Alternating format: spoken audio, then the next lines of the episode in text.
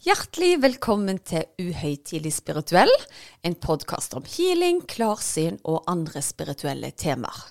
Noen ganger har vi gjester, og noen ganger er det bare meg sammen med min ektefelle Erik.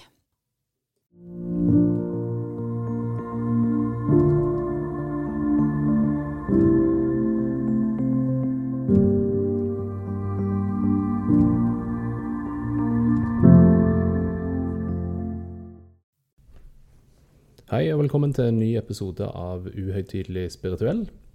Eh, Fram til nå så har vi gjerne snakket om eh, plager som folk har kommet med, og litt sånne ting. Men jeg tenkte i dag sånn at vi skulle snakke om litt mer alvorlig sykdom. Eh, Mm. Hva tenker du om det? Jeg syns det er litt skummelt, faktisk, med en gang snakke om alvorlig sykdom. For du får jo litt sånn alvorspreg med en gang, da. Og jeg liker jo mest å snakke om healing som noe lett. Eh, og noe som er enkelt å snakke om. Men jeg syns det er veldig viktig at vi tar opp dette med, med alvorlig sykdom. Ja, for det er folk med alvorlige lidelser eller diagnoser som kommer til deg. Det er det absolutt. Men nå, nå har jeg vært mye skånt, nettopp fordi jeg har hatt veldig lange ventelister. Eh, så de som har akutt alvorlig sykdom, har gjerne ikke kommet til for time. For når du har venta veldig mange år, så har de med de mest alvorlige lidelsene gjerne ikke klart å, å holde den køen på ventelista, for å si det sånn. Ja. Men, men selvfølgelig, via via, har det vært alvorlige ting, så, så tar jeg det jo selvfølgelig inn hvis jeg får vite om det. Helt klart. Men jeg husker jo etter du hadde vært i hjemmet for en del år siden, så ringte jo Altså, de publiserte jo telefonnummeret ditt i hjemmet. Mm. Og så ringte det veldig mange. Til slutt så gikk jo telefonen tom for strøm, og så fikk vi jo høre telefonsvaret etterpå, da.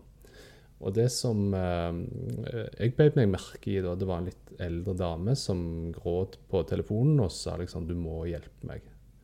Eh, og nå husker jeg ikke helt detaljene der, da, men hun var i hvert fall hun var alvorlig syk, sa hun da. Men, men dette er ikke noe akuttmedisin du driver med? eller? Nei, og det er veldig viktig å, å få fram. Selvfølgelig forstår jeg desperasjonen til de som er alvorlig syke. Men som regel når det har kommet så langt at de har fått beskjed av legen at det ikke er mer å gjøre, så forstår jeg at de ønsker å prøve absolutt alt.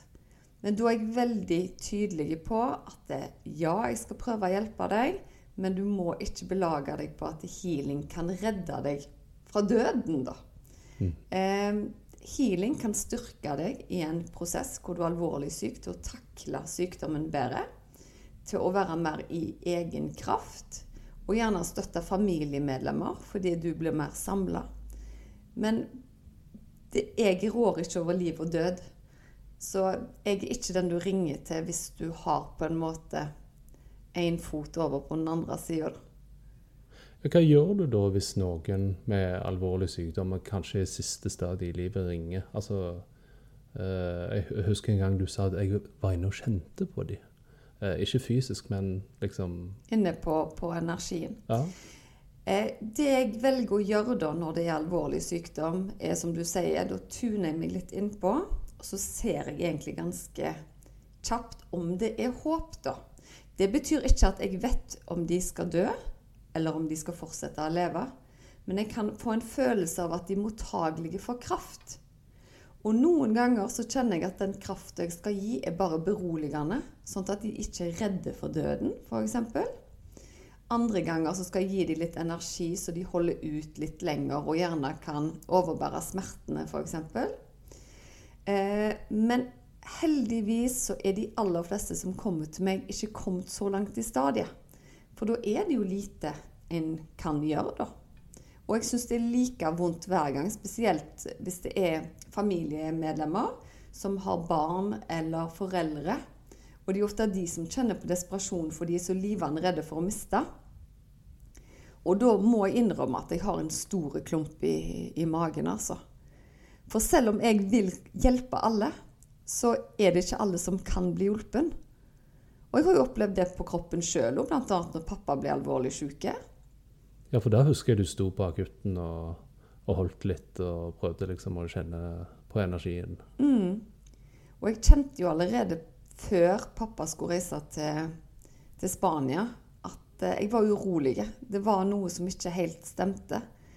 Eh, så jeg fikk nok litt forvarsel allerede da. Og når han eh, ble syk, så ringte jo mamma til meg og sa at pappa hadde vondt i magen. Og jeg kjente med en gang at dette er mye mer alvorlig enn vondt i magen, så da kasta jo meg og deg oss på første fly ned til Spania. Og så gikk det, det gikk jo ikke bra. Og der, der, hadde jeg på en måte ingenting å stille opp med, fordi det var så akutt, og det var så alvorlig. Mm. Men tenker du at du ble en bedre healer av hans dødsfall, på en måte? Altså sagt litt rart, da. At du ble åpnere, eller? Det er veldig vanskelig å si om at det gjorde meg som en bedre healer, men sterkere, helt klart. Eh, det ligger mye i det begrepet at det som ikke dreper deg, gjør deg sterkere. Og jeg har jo opplevd å miste. Og på bare den måten der så tror jeg jeg kan være et mer medmenneske. For jeg kan sette meg inn i situasjonen, da. Eh, og så har jeg jo fortalt i tidligere episoder at jeg har opplevd å ha kontakt med pappa etter han var død. Eh, og det er en veldig trygghet i meg, da. Eh, ja. Men uh, vi har jo òg opplevd eh, andre ting etter faren din døde òg. Uh, med nært forestående som har tatt en titt uh, på den andre siden. Ja, vet du hva. Eh, vi har jo egentlig lovt lytterne å fortelle litt om hva som skjedde når du ble alvorlig syk. Og da var jeg veldig Susanne i akuttfasen, og ingen healer-Susanne. Da mista jeg hodet, sånn som de aller fleste andre gjør i en sånn situasjon. Um, så jeg tenker kanskje jeg skal starte med å fortelle litt om min opplevelse av den dagen, og hva som skjedde med deg, og så kan du spe på med Ja, din opplevelse. må ja. Ja. For et par år siden så var det den 15. oktober, og det var tilsynelatende en veldig vanlig dag. Eh, Jeg var på jobb, du hadde tatt med deg eh, eh, Evander ute på tur. Hvor var dere var hen? Vi var på eh, en eller annen verde ute på Rennesøy. På en eller annen sånn topptur på et fjell der. Og da husker jeg at du fortalte når du kom hjem at det var nesten bare du, Evander og et par kyr eller sauer. Ja, det var jo ingen som gikk der på, på høsten. Sånn. Nei. Nei. Og så har jeg fått for meg noe veldig rart. Eh, Aurora hun har bursdag den 17. oktober. Og jeg fikk da for meg at jeg måtte gjøre alt klart til denne bursdagen. Så jeg dekte border, jeg skrev lister, kaker var klart, mat var klart. Og jeg begynte til og med å skrive en sånn detaljert liste over Først skal de samles i ring, og så skal de dele ut pakker, og så skal de spise mat. Og det, det var egentlig veldig rart. Blåst opp ballonger. Og så hengte jeg til og med opp i sånn fiskestang som de kunne fiske etter godteposer. Og så sier du til meg hva, hva er det med deg? Du pleier ikke akkurat å dekke bordet to dager før en bursdag. Vi var jo småbarnsforeldre med kronisk for seint for alt. Altså så Ja. er du eh, to dager for tidlig. Og så sa jeg bare litt sånn Jeg tror jeg var litt sånn irritert òg. For jeg tenkte ja, nei, jeg må bare bli ferdig med dette her. Men de listene, det var jo litt spesielt. For jeg er jo ingen listeperson til, til vanlig. Og jeg er ikke bakeguri heller, men alt var altså rigga og klart. Og med navner på de som skulle komme. Og det, det var litt eh, spesielt. Men så ber du meg om å slutte å blåse ballonger, og at vi skal se en TV-serie. Og så ringer det på døra. Da sier du Jeg skal selge en eh, lampe på Finn, så jeg måtte bare ut en tur. Og jeg satt jo i pyjamasen og bare tenkte ja, ja. Og idet du da går ut og skal møte hun dama som skal kjøpe den lampa, så kommer Aurora ned og klokka halv ni på kvelden. Og da hører jeg at du sier 'Pappa er tilbake om to minutter, jeg skal bare bære ned i lampa'. Og da tenkte jeg at hun sitter jo palt til du er tilbake. Så går det noen minutter, og så hører jeg på ringeklokka. Ding, ding, ding, ding, ding, ding, ding. Så tenkte jeg å nei, kan ikke bare Erik opp der døra, fordi jeg sitter jo og ser på TV og slapper av i pyjamasen. Men så går jeg ut og åpner døra, og da får jeg en veldig lite hyggelig beskjed. Mannen din ligger nede i veien. Du må komme. Altså, de sekundene der, altså livet i revy, det kan du si på eh, mildt toneleie. Jeg fyker ned, og finner deg da liggende akkurat som i stabilt sideleie ned bak en bil. Og du har akkurat som et tilsynelatende epileptisk anfall, men jeg visste jo at du ikke hadde epilepsi. Og med bakgrunn av hva som skjedde med broren din for over ti år siden, så visste jeg at nå er det noe med hjertet. Så jeg hiver meg ned, prøver å få kontakt med deg, og får armen min under hodet ditt og prøver å få deg til å se på meg. I mellomtida så har de andre ringt ambulansen, og de sier til meg du må legge den ned på ryggen, sånn at du får begynt hjerte-lungeredning. Men jeg vet ikke hva som har skjedd, så jeg er redd for du er blitt påkjørt av en bil, har en knokk i nakken. For du var akkurat som litt sånn Veldig pent til vanlig, Erik, men mm. akkurat da så var du akkurat sånn som på, på film. En sånn oppblåste voksfigur. Jeg vil ikke si du var hvit, du var mer blålilla.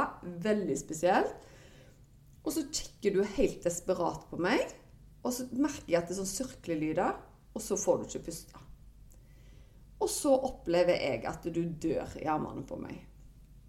Og jeg brøler som hele byhaugen Nå begynner jeg å grine allerede nå. Begynner å brøle som hele byhaugen kan høre meg, at nå, nå dør Erik. Så jeg tar tak i nesen, tar igjen fingertuppene der og begynner å blåse luft i deg. Og da tenkte jeg med en gang at dette ble veldig vanskelig, for jeg har øvd meg på ei dukke i ungdommen. Og da syntes jeg det var vanskelig å få luften ned i brystkassen. Men det var jo så lett. Altså, du bare blåste opp brystkassen din med luft etter hvert som jeg pusta inn. Og så tok jeg et par innpust, og så var planen min å snu deg rundt, ta deg ned på bakken og begynne eh, hjerte-lungekompresjon. Jeg vet nå at jeg gjorde det i, i motsatt rekkefølge, men det var i hvert fall det jeg tenkte. Men på det tredje innpustet så skjer det noe. Da er det akkurat som det skjer et trykk, for da begynner du å blø ut øynene og nesen. Det var helt rart. Og så hører jeg du sier nu, nu. Og det første jeg tenkte Å, herlighet. Nå er han blitt hjerneskada. Jeg burde jo vært kjempeglad for at du var i live.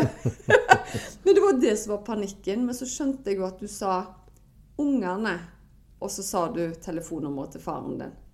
Så det første du tenkte på når du kom tilbake, var, var ungene. Og det syns jeg er så rørende, at vi måtte ringe for hjelp, at de skulle komme. Ja. Kan, men, men kan ikke du fortelle litt om hva som skjedde?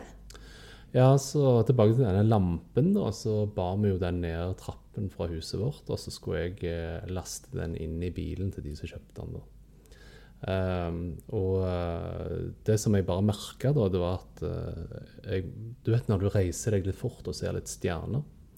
Uh, men som regel går jo stjernene vekk igjen. Men her var det liksom bare at jeg fikk mer og mer og mer stjerner, så sa jeg jeg, jeg tror jeg må sette meg ned. Og så husker ikke jeg så veldig mye mer. Annet enn at i den tiden du har nå beskrevet, ved liksom gjenoppliving og alt det der, så hang jeg i en hengekøye i verdensrommet. Altså det var stjerner overalt, og jeg hadde liksom the best nap ever, liksom. sant? Småbarnspappa, du må faktisk dø for å hvile, liksom. Ja. ja. Nei, altså det Men når jeg, altså når jeg våkna til, da, så var det jo akkurat som noe klødde meg i fjeset. Og det har jeg jo visst i etterkant da var eh, håret ditt. Da. Problemet var at det, jeg hadde jo litt sånn rart syn og litt sånn akkurat da, men jeg så jo du òg var full av blod, så jeg visste ikke helt hva som hadde skjedd, egentlig. Men det var jo mitt blod, fant vi jo ut etterpå, da. Uh, men det føltes som Jeg pleier å si liksom at det var åpningsscenen i Red Many Ryan. Altså, uh, det er full krig på stranden, uh, men du hører bare en sånn akkurat sånn pipelyd. Og så alt var fullstendig kaos rundt meg. Men allikevel så var det første du sa når du på en måte kom tilbake, var med et språk som jeg tyder da, for du, du, du snakket jo ikke rent, det var ungene og mobilnummeret til faren din. For bare der og da så visste du at jeg sto der nede uten mobil og hadde ikke peiling på hva nummeret til din far var. Men det, altså, det slo deg med en gang? Ja, det er jo det jeg har blitt trent opp til hjemme. Alltid beredt.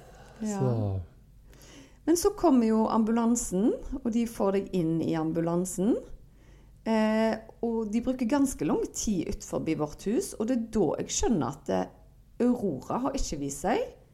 Og Evander ligger jo tydeligvis og sover i senga si. De har ikke hørt meg brøle. De har ikke fått med seg noen ting. Og hun som pleier å sitte pal og vente på deg. Da tenkte jeg meg at her er det englevakt, altså. Ja. Men jeg husker jo når vi begynte å kjøre til, til sykehuset, da, så irriterte jo jeg meg over at de tok feil vei. at det tok så lang tid. Men det vi har forstått, er ikke det at når de bruker lang tid, er det jo fordi de var redde for at du ikke skulle klare turen til sykehuset? Ja, de, eh, det var jo ingen bra ting å ta lang tid sånn sett. Og de sa jo til deg ja, Hva var det de sa når vi kom inn døren der på akutten? Så sa de nå kan du slappe av, for han har klart turen til sykehuset.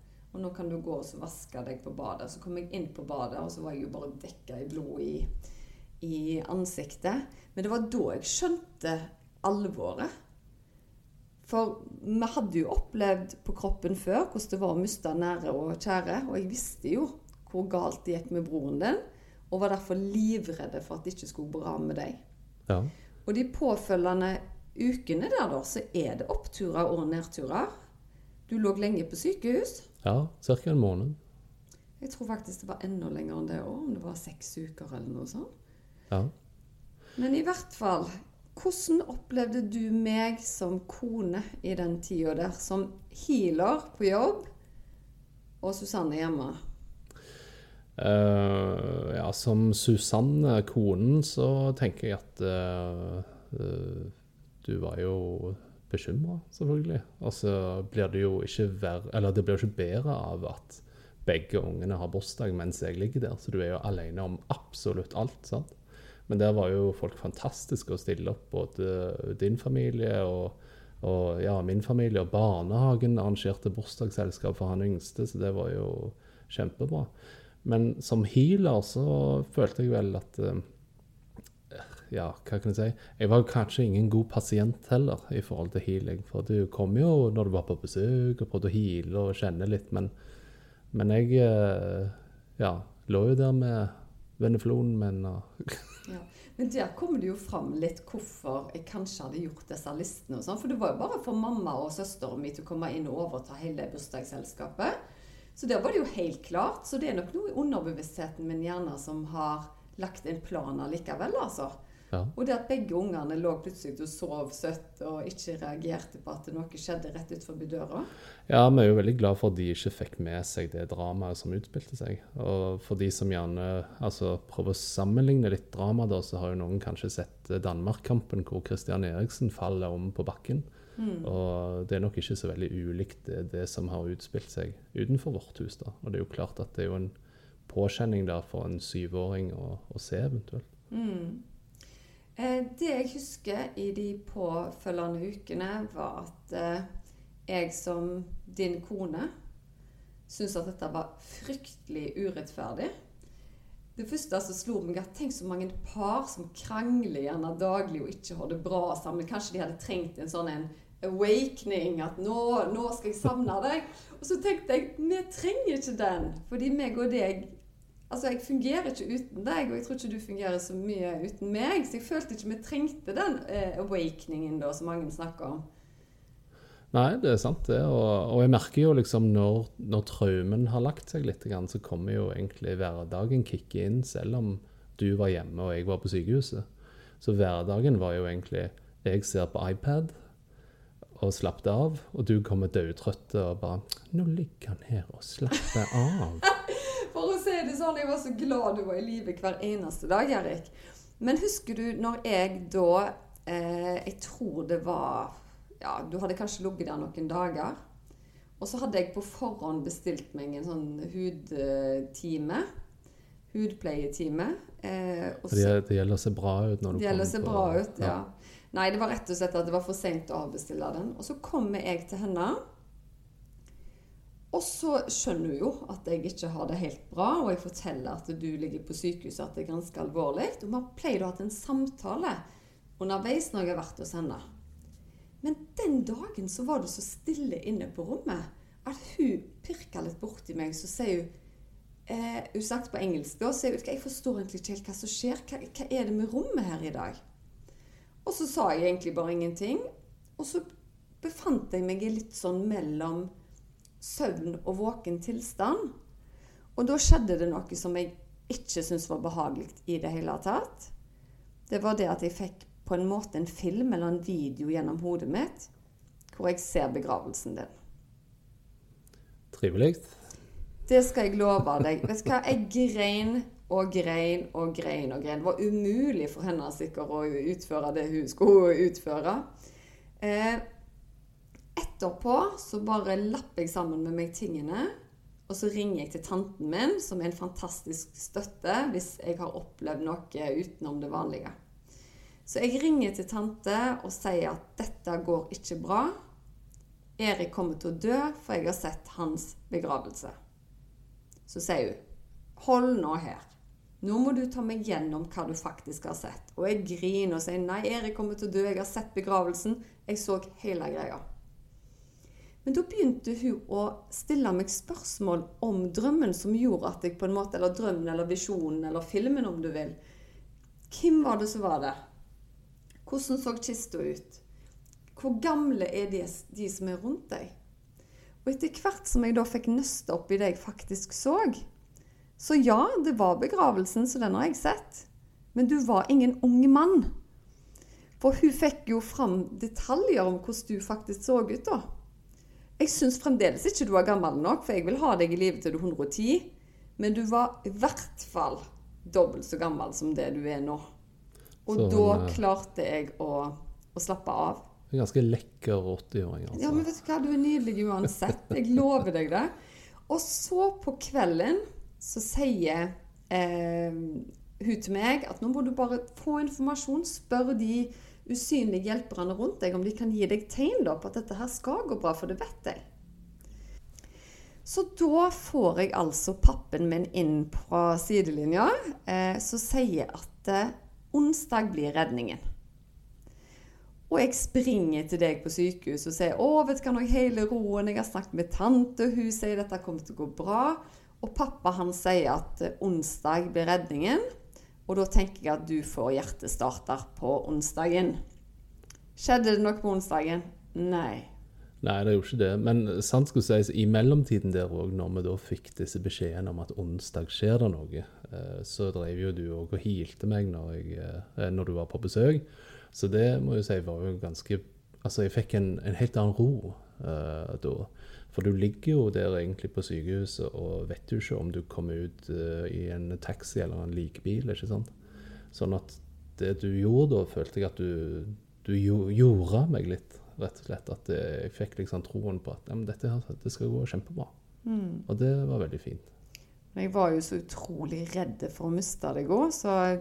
Og når du har opplevd tap på kroppen før, så tror jeg den frykten der fort kan spise deg opp, altså.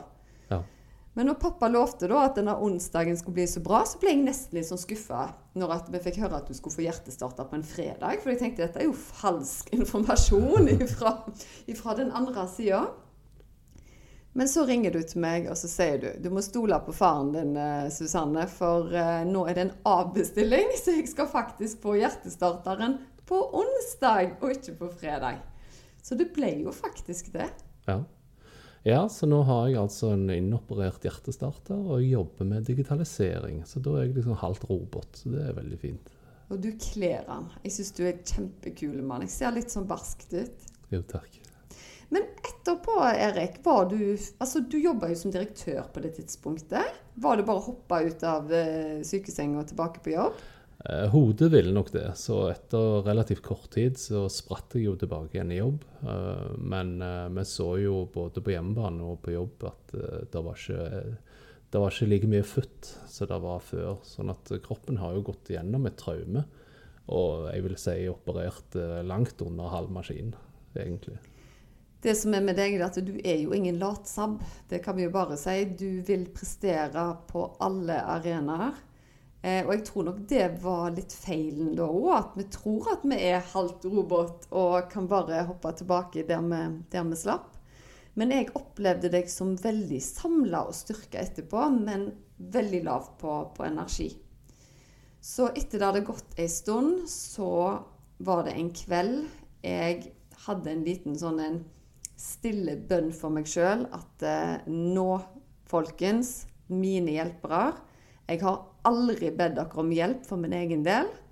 Nå ble jeg nesten så rørt, men nå får dere hjelpe mannen min. Jeg vil ha han tilbake der han var. Eh, jeg er fornøyd at han har overlevd eh, dette. Jeg er fornøyd over at han er en fantastisk pappa, men jeg vil at han skal bli helt seg sjøl igjen, da. Og det som var så spesielt da, var at jeg kjente akkurat som en sånn svosj gjennom hele kroppen. Jeg kan ikke forklare følelsen. Og så var jeg litt sånn sint på mine hjelpere, for jeg syntes de hadde hjulpet så mange. Og når jeg virkelig trengte de, så følte jeg at det, jo, de hadde vært der, men jeg ville ha mer, da.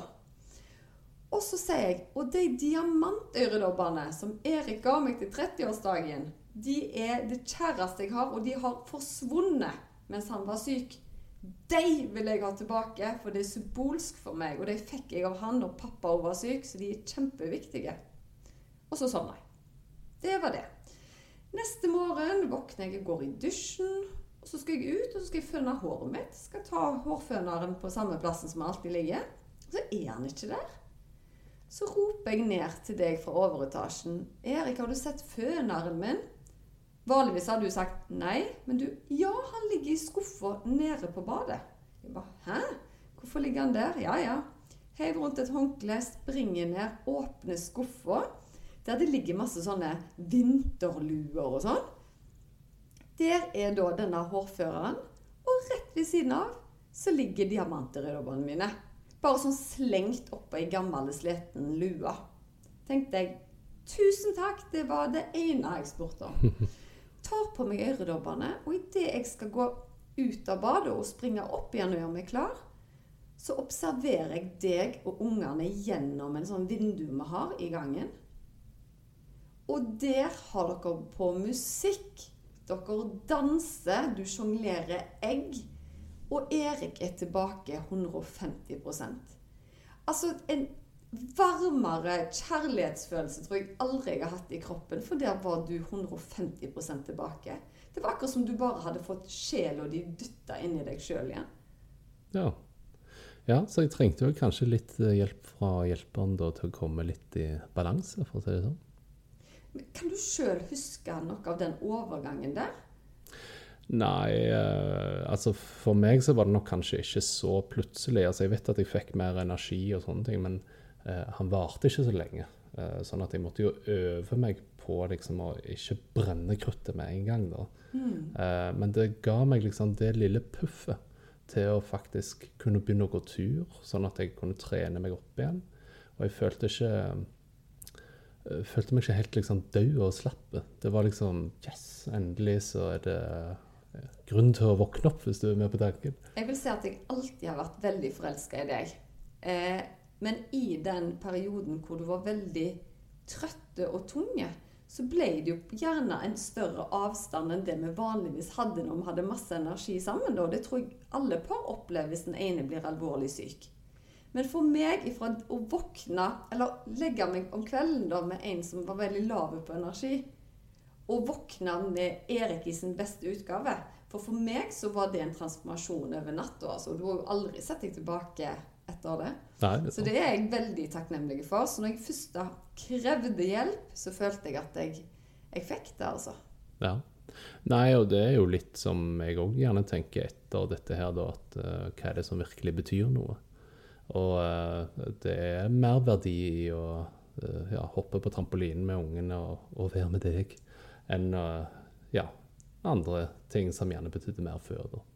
Så det er jo gøy. Og da, da tenker vi òg at vi kan bruke litt av den energien til å få andre til gjerne å reflektere om, over det samme. da. Ja, og så får vi jo egentlig belyst dette her, at det er ikke sånn at fordi om at jeg er healer, at jeg aldri opplever sykdom i nær familie. da. Og så blir du gjerne litt blinde på de som er nærmest deg. Jeg bruker jo mye tid på de som ikke er nære. Og at du da gjerne stenger litt av når du kommer hjem. Men det var tydeligvis noen i underbevisstheten som ville at jeg skulle være på vakt eller forberedt. da. Ja. På et eller annet vis. Men jeg syns, eh, hvis vi tenker tilbake til innledningen vår, hvor vi snakket om alvorlig sykdom, så syns jeg den uh, historien vi har, egentlig reflekterer litt godt det budskapet du har sagt gjennom mange episoder òg. Altså ved sykdom så er legehjelp uh, essensielt. Absolutt. Eh, og gjerne i en kombinasjon at det kunne vært eh, bra, men noe akuttmedisin eh, tror vi ikke healing er. I hvert fall ikke i nåværende form. Nei, og så er det selvfølgelig det å ha det i tillegg.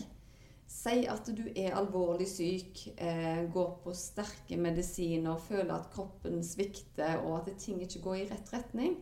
Da kan healing absolutt hjelpe å styrke deg, og gjerne til å tåle medisinsk behandling bedre. Og òg at kroppen kan bli flinkere og sette i gang sin egen selvhelbredelse. Men det er ikke gitt at vi kan ta et knips, og så er du på en måte helt frisk. Mm. Eh, jeg tror på mirakler, og jeg ber om mirakler hver eneste dag for mine klienter. Men det er veldig viktig å forstå forskjellen på å være gartner og være totale brannslukker. Altså. Ja. Det syns jeg er en fin eh, metafor som vi gjerne kan avslutte med. Ja. Eh, så eh, da avslutter vi for i dag. og Tusen takk for deg som hørte på. Så håper vi at som alltid at din horisont har blitt litt videre enn før sendingen starta. Så takk for at du hørte på.